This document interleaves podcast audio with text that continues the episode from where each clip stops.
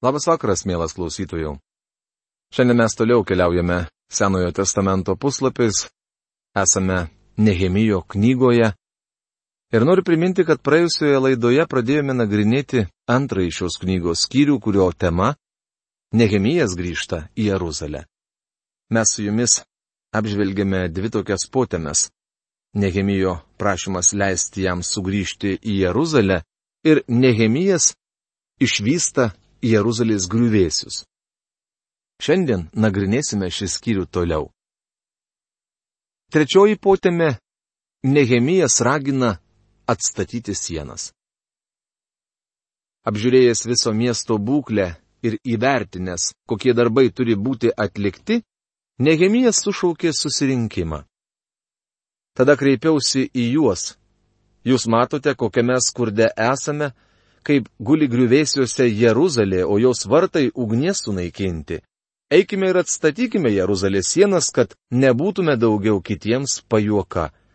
Papasakojau jiems, kad mano Dievo ranka buvo man maloninga ir apie dalykus, kuriuos karalius man buvo kalbėjęs. Jie atsakė, imkimės atstatymo darbo.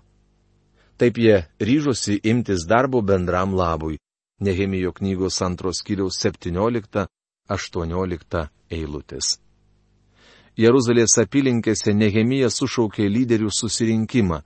Jis papasakojo, kaip Dievas jį vedė, papasakojo apie savo nemokamas atostogas ir kodėl jis atvyko į Jeruzalę. Jis jau viską apžiūrėjo, žinojo, kokia situacija ir grupiai pasakė, atlikime šį darbą, Dievas su mumis. Jie pritarė jo entuzijazmui ir atsakė, imkimės atstatymo darbo. Nehemijas buvo tikras Dievo įkvėptas lyderis. Kiti lyderiai atsiliepė į jo kvietimą. Čia vėl sutinkame žodelį taigi. Taigi arba taip jie ryžosi imtis darbo bendram labui. Jis galėjo išsiplėsti ir ilgai pasakoti apie tai, kaip ši grupė susirinko ir pakluso jo vadovavimui. Tačiau Nehemijas taip nerašė, jis buvo labai kuklus tikintysis, pasilikęs antrame plane. Bet Sanbalatas Horonietis, Amonitas pareigūnas Tobija ir Arabas Gešemas apie tai išgirdė iš mūsų tyčiojas ir mus išjuokė. Jie sakė, kągi jūs darote, ne jau prieš karalių maištą norite kelti, Nehemijo knygos antros kiriaus 19 eilutė. Štai priešas, trys vyrai.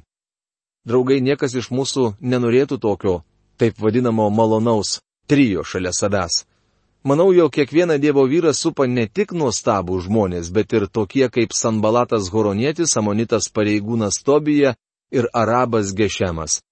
Priešas panaudos skirtingus metodus, kad tik tave išgazdintų. Patyčios paprastai būna pirmasis priešo naudojamas metodas. Kai atsiverčiau, dirbau banke ir turiu pripažinti, buvau nukrypęs į nuodėmę. Buvau didelis nusidėjėlis Niekuomet nepamiršiu reakcijos, kai pranešiau, jog atsistatydinu ir kad viešpats pašaukė mane į tarnavimą. Nepažinojau kito tokio, iš kurio taip tyčiotusi.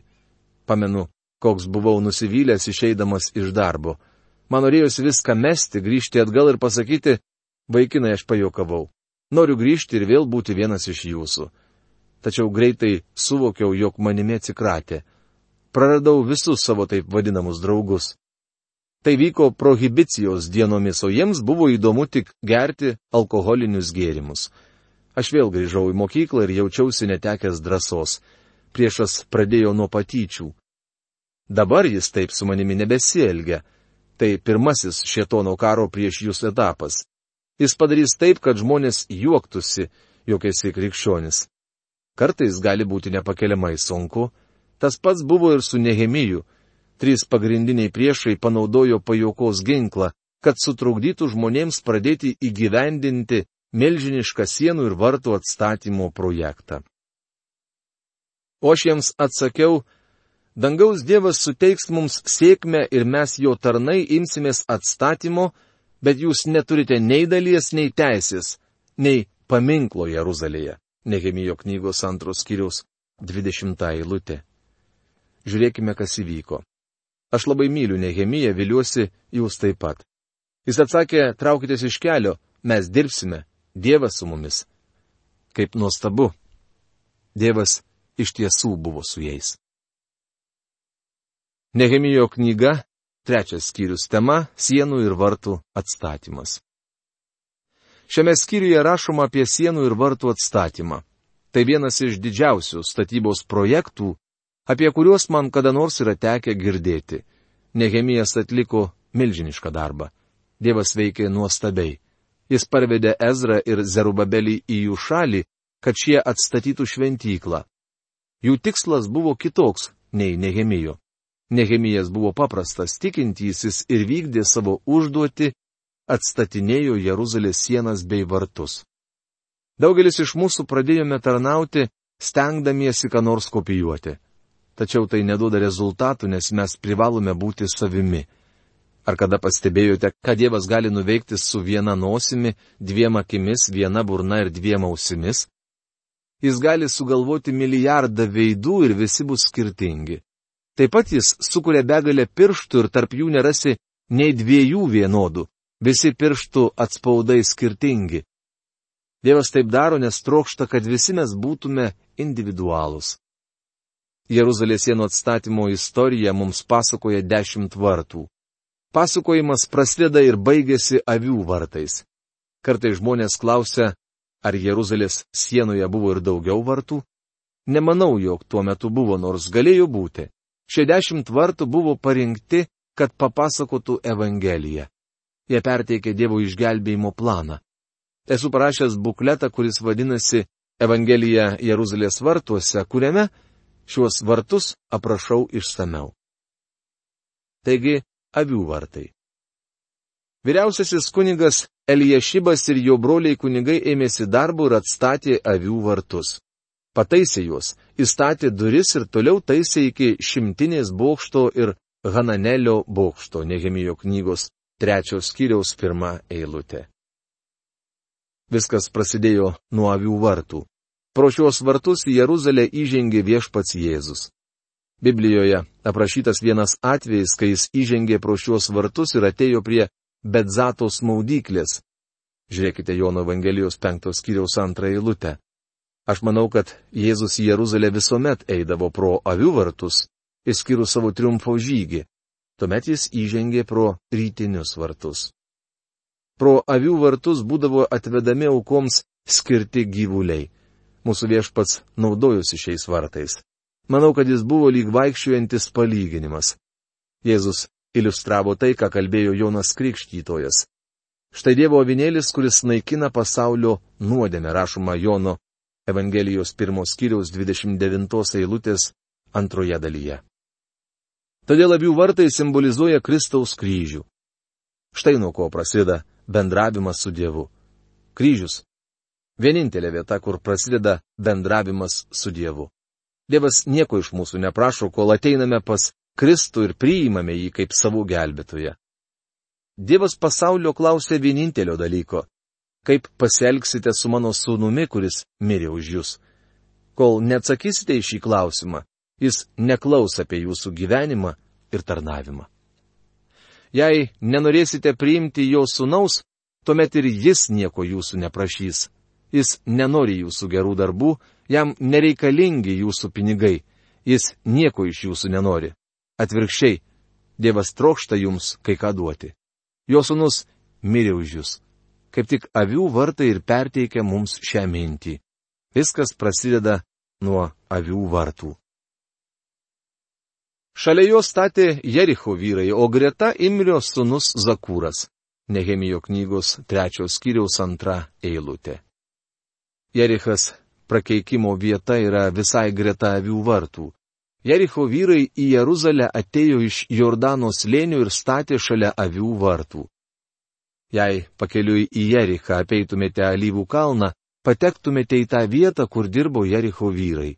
Toje vietoje stovėjo šventyklos bokštelis. Jis buvo greta avių vartų. Jericho miestui buvo išsakytas prakeikimas. Jozuė pasakė, te būna prakeiktas viešpaties akivaizdoje žmogus, kuris bandytų atstatyti Jericho miestą, rašoma Jozės knygos 6 skyriaus 26 eilutėje. Ahabo dienomis atsirado žmogus, kuris miestą atstatė ir ant jo bei jo sūnų krito prakeikimas. Tai buvo prakeiktas miestas. Šiandien mes gyvename pasaulyje, kuris prakeiktas nuodėmis. Man net nereikia vargintis, kad jūs tuo įtikinčiau, pakanka aplinkui apsižvalgyti. Žmogus sujaukia šį pasaulį. Aukštus postus užimantys nekrikščionys tvirtina, jog šiandienos problemų žmogui įspręsti neįmanoma. Mes gyvename prakeiktame pasaulyje. Tik Kristaus mirtis ant kryžiaus gali iš mūsų gyvenimo patraukti nuodėmės teismą, nes kaip parašyta Ezekėlio knygos 18 skyriaus ketvirtoje eilutėje, mirs tik tas, kuris nuslida. Mano draugė, šis nuosprendis paskeltas ir jums, ir man. Kristus dėl savo mirties ant kryžiaus gali jį už mus prisijimti. Jei dar nepasitikite Kristumi, galite juo pasitikėti dabar. Žuvų vartai. Dabar pakalbėkime apie žuvų vartus. Hasenajos sūnus atstatė žuvų vartus, pataisė sijas, įstatė duris, spinas ir velkės. Nehemijo knygos trečios skyriaus trečia eilutė. Prieš jų vartų žvėjai atgabendavo žuvį iš viduržėmė jūros ir Jordano upės. Tomis dienomis būtų daug žuvies valgytojų. Žuvų vartus nebuvo sunku rasti. Jūsų nosis atvestų jūs tiesiai prie tikslo. Kągi simbolizuoja žuvų vartai? Viešpats Jėzus jį sekusiems žmonėms pasakė, aš padarysiu jūs žmonių žvėjais, mato Evangelijos ketvirtos skyrius 19 eilutė. Po to, kai mokiniai suprato Evangelijos įvykius, Jėzus jiems pasakė, ir štai aš atsiųsiu jums, ką yra pažadėjęs mano tėvas. Jūs pasilikite mieste, kol busite apgaupti jėga iš aukštybių. Luko Evangelijos 24 skyriaus 49 eilutė. Taigi viešpats mokė, palaukite šventosios dvasios krikšto, kol jie apsigyvens jumise, kol būsite atgimdyti šventąją dvasę ir pripildyti šventosios dvasios. Sėkminių dieną mokiniai buvo pripildyti šventosios dvasios ir tapo žmonių žvėjais. Šiandien tą patį Dievas kalba saviesiems. Jis neprašo, kad neišgelbėtas žmogus taptų žmonių žvėjų. Neišgelbėtas žmogus nei nesuprastų, apie ką Dievas kalba. Tačiau saviesiems Dievas sako, noriu, kad žvėjotumėte žmonės. Mano nuomonė, žmonės mes turime žvėjoti skirtingais būdais. Nesutinku su tais, kurie primiktinai tvirtina, jog žvėjoti galima tik vaikštant nuo durų prie durų. Nemanau, jog tai gali visi daryti. Tikiu, jog kai kurie yra pašaukti liudyti visai kitaip. Pavyzdžiui, evangelizavimas malda yra vienas iš būdų, kaip šiandien efektyviai nešti gerąją naujieną žmonėms. Visi mes turime skirtingas dovanas. Dievas mus skirtingai sukūrė ir todėl Evangeliją galima skelbti taip pat skirtingai. Vis dėlto esu tos nuomonės, kad krikščionis vienu ar kitu būdu turi praeiti pro žuvų vartus. Jūs privalote vienaip ar kitaip skelbti Dievo žodį. Jėzus sako, noriu, kad sektum paskui mane ir aš padarysiu tave žmonių žvėjų. Pradedant Nehemijo trečios skyriaus ketvirtą eilutę, skaitome sąrašą asmenų, kurie atstatinėjo sieną. Kaip nuostabu, kad jų vardai rašyti gyvenimo knygoje. Šios pastraipos skaitimas - tikros starties pratybos. Tiesą sakant, negaliu kategoriškai teikti, kaip teisingai reikėtų ištarti šios vardus. Vis dėlto, šie asmenys Dievui žinomi. Jie padėjo atstatyti Jeruzalės sienas. Vieną dieną už jų triūsą šiems žmonėms bus atlyginta. Šalia jo tekojos vyrai taisė sienas, nors jų didžiūnai ir nerėmė savo valdytojų veiklos. Nehemijo knygos trečios skyriaus penktą eilutė.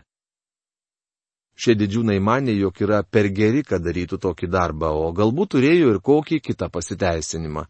Galima įtarti, kad jų rankos buvo baltos kaip lelyjos ir jie net negalėjo pagalvoti apie tai, kad reikės kilnoti akmenis Jeruzalės sienoms užtaisyti. Bičiuliai, jei matėte Jeruzalės sieną, tikriausiai esate sužavėti, kokį didžiulį darbą atliko statytojai ir galbūt užjausite tekojos didžiūnus. Tokiems akmenims pajudinti reikėjo daug jėgos. Sienų statyba kainavo nemažą dėjonių ir niurnėjimo. Nuo tokio sunkaus darbo daugeliu skaudėjo nugaras, rankas, kojas, Žodžiu, maudė visą kūną, taigi didžiūnai nuo darbo išsisuko. Įdomu tai, jog didžiūnai buvo greta žuvų vartų, kurie simbolizuoja liudijimą, tačiau šie vyrai visiškai neliudijo apie Dievą. Nežinau kaip jūs, tačiau aš visiškai nenorėčiau būti jų vietoje. Nenorėčiau, kad amžinajame Dievo žodyje būtų užfiksuota, jog nepadariau to, kam Dievas mane pašaukė. Baiminuosi, jog mūsų dienomis dauguma bažnyčio žmonių nedaro to, kam yra pašaukti Dievo. Dabar kalbu apie išgelbėtus, o ne apie neišgelbėtus žmonės. Tokie krikščionys nieko nedaro. Jie netarnauja Dievui. Patarlių 11 skyriaus 26 eilutėje parašyta, kas kaupia grūdų atsargas, tą žmonės keiks. Grūdai simbolizuoja Dievo žodį. Baisus dalykas yra neduoti Dievo žodžio tiems, kurie jo alksta. Ar kada nors apie tai pagalvojote? Atidžiai perskaitykite šią eilutę. Kas kaupia grūdų atsargas, tą žmonės keiks. Taip pat yra parašyta, jog amžinybėje bus žmonių, kurie tą ar kitą žmogų vadins palaimintu. Manau, jog pragare bus tokių, kurie prakeiks kai kuriuos esančius danguje, nes šie nedavė jiems grūdų. Jėzus mokė, sekite mane ir aš padarysiu jų žmonių žvėjais. Jei šiandien nenorime prasilenkti su jo valia, turime skelbti Dievo žodį alkanoms širdims. Ne vienas iš mūsų negalime to padaryti vienas todėl privalome veikti kaip komanda. Senieji vartai. Tretieji iš paminėtų vartų vadinosi senieji.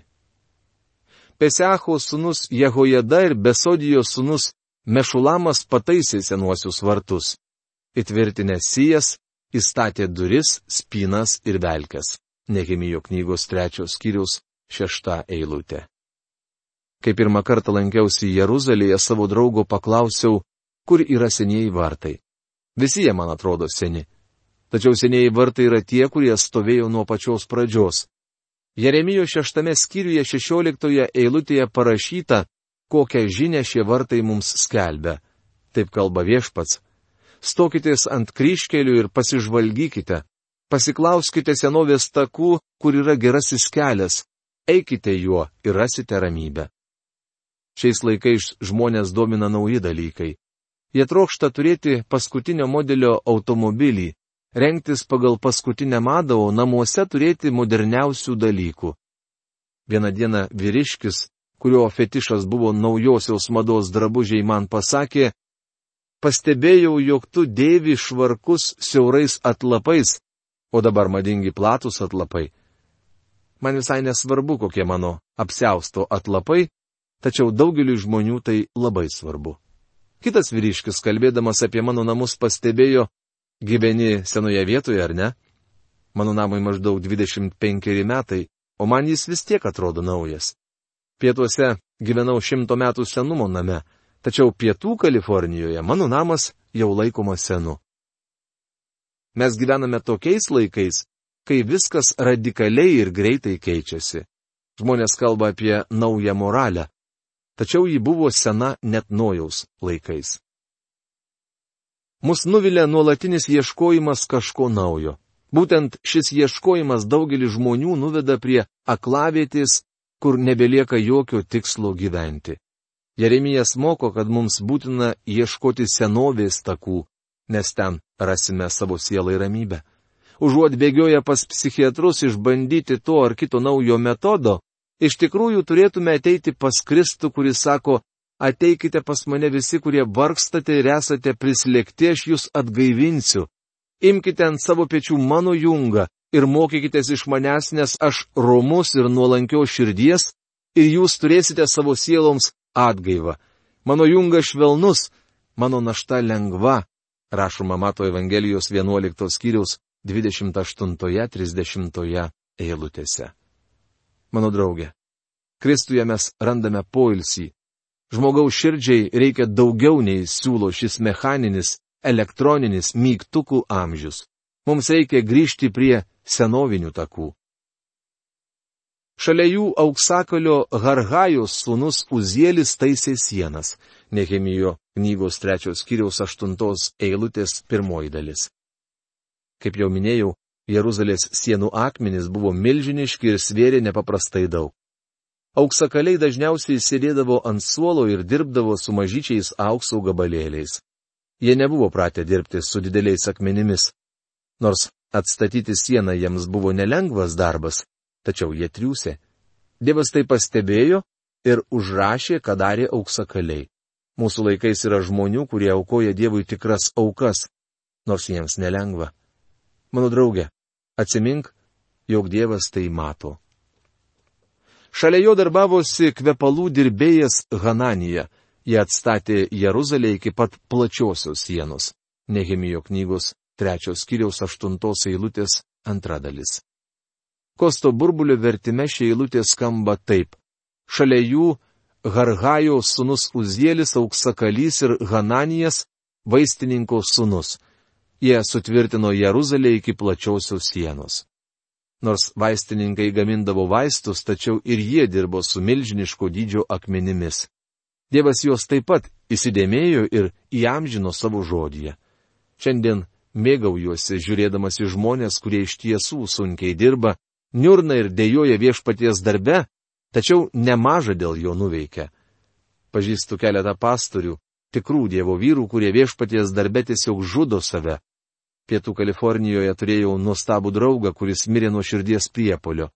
Jis buvo Dievo vyras ir tikrąją to žodžio prasme pats save numarino viešpaties darbe. Pažįstu ir kitų, kurie taip pat elgesi. Šiaurėje vienam pastoriui pasakiau, žinai, broli, suprantu, ką tau tenka patirti. Tu persidirbi, sulėtink tempus. Mano draugė, jei turi gerą pastorių, kuris per daug dirba, eik pas jį, apsikabink. Viliuosi, kad nuo to jo neištik širdies priepolis. Ir pasakyk jam, jog už jį meldiesi. Ir melskis iš tiesų. Galbūt jis vienas iš auksakalių arba vaistininkų. Pasakyk jam, kad nepersidirbtų. Šiandien Dievo žmonės labai reikalingi. Šalia jo taisimo darbus dirbo Halo Hešos sunus Šalumas, pusės Jeruzalės apylinkės valdytojas, jis pats su dukterimis. Nehemijo knygos trečios skyriaus dvylikta eilutė. Turėtume į tai atkreipti dėmesį. Šiandien vyksta moterų išlaisvinimo judėjimas, jis vyko ir Jeruzalėje Nehemijo dienomis. Tos merginos kalbėjo, mes eisime ir padėsime statyti Jeruzalės sienas. Vyrai stato ir mes statysime. Akivaizdu, jog Halo Hešos sūnus Šalumas neturėjo sūnų, todėl jo dukteris dirbo, padėdamos jam statyti Jeruzalės sienas. Dievas tai įsidėmėjo ir užrašė. Mielas klausytojau, ar Dievas šiandieną įsidėmė jūs? Ir ar jūsų vardas įrašytas jo knygoje? Šiuo klausimu noriu užbaigti šios dienos laidą. Kitą laidą pradėsime nuo slėnių vartų apžvalgos. Iki malonaus susitikimo studija.